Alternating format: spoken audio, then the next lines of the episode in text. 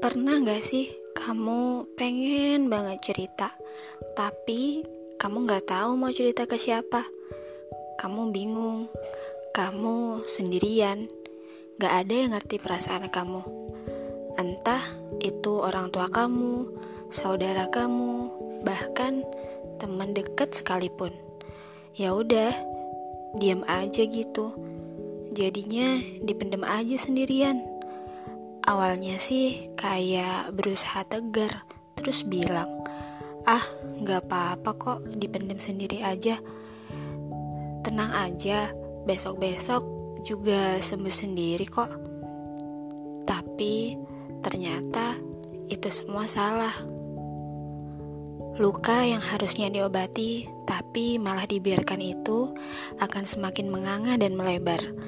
Bahkan bisa saja terinfeksi dan membusuk. Begitulah kira-kira.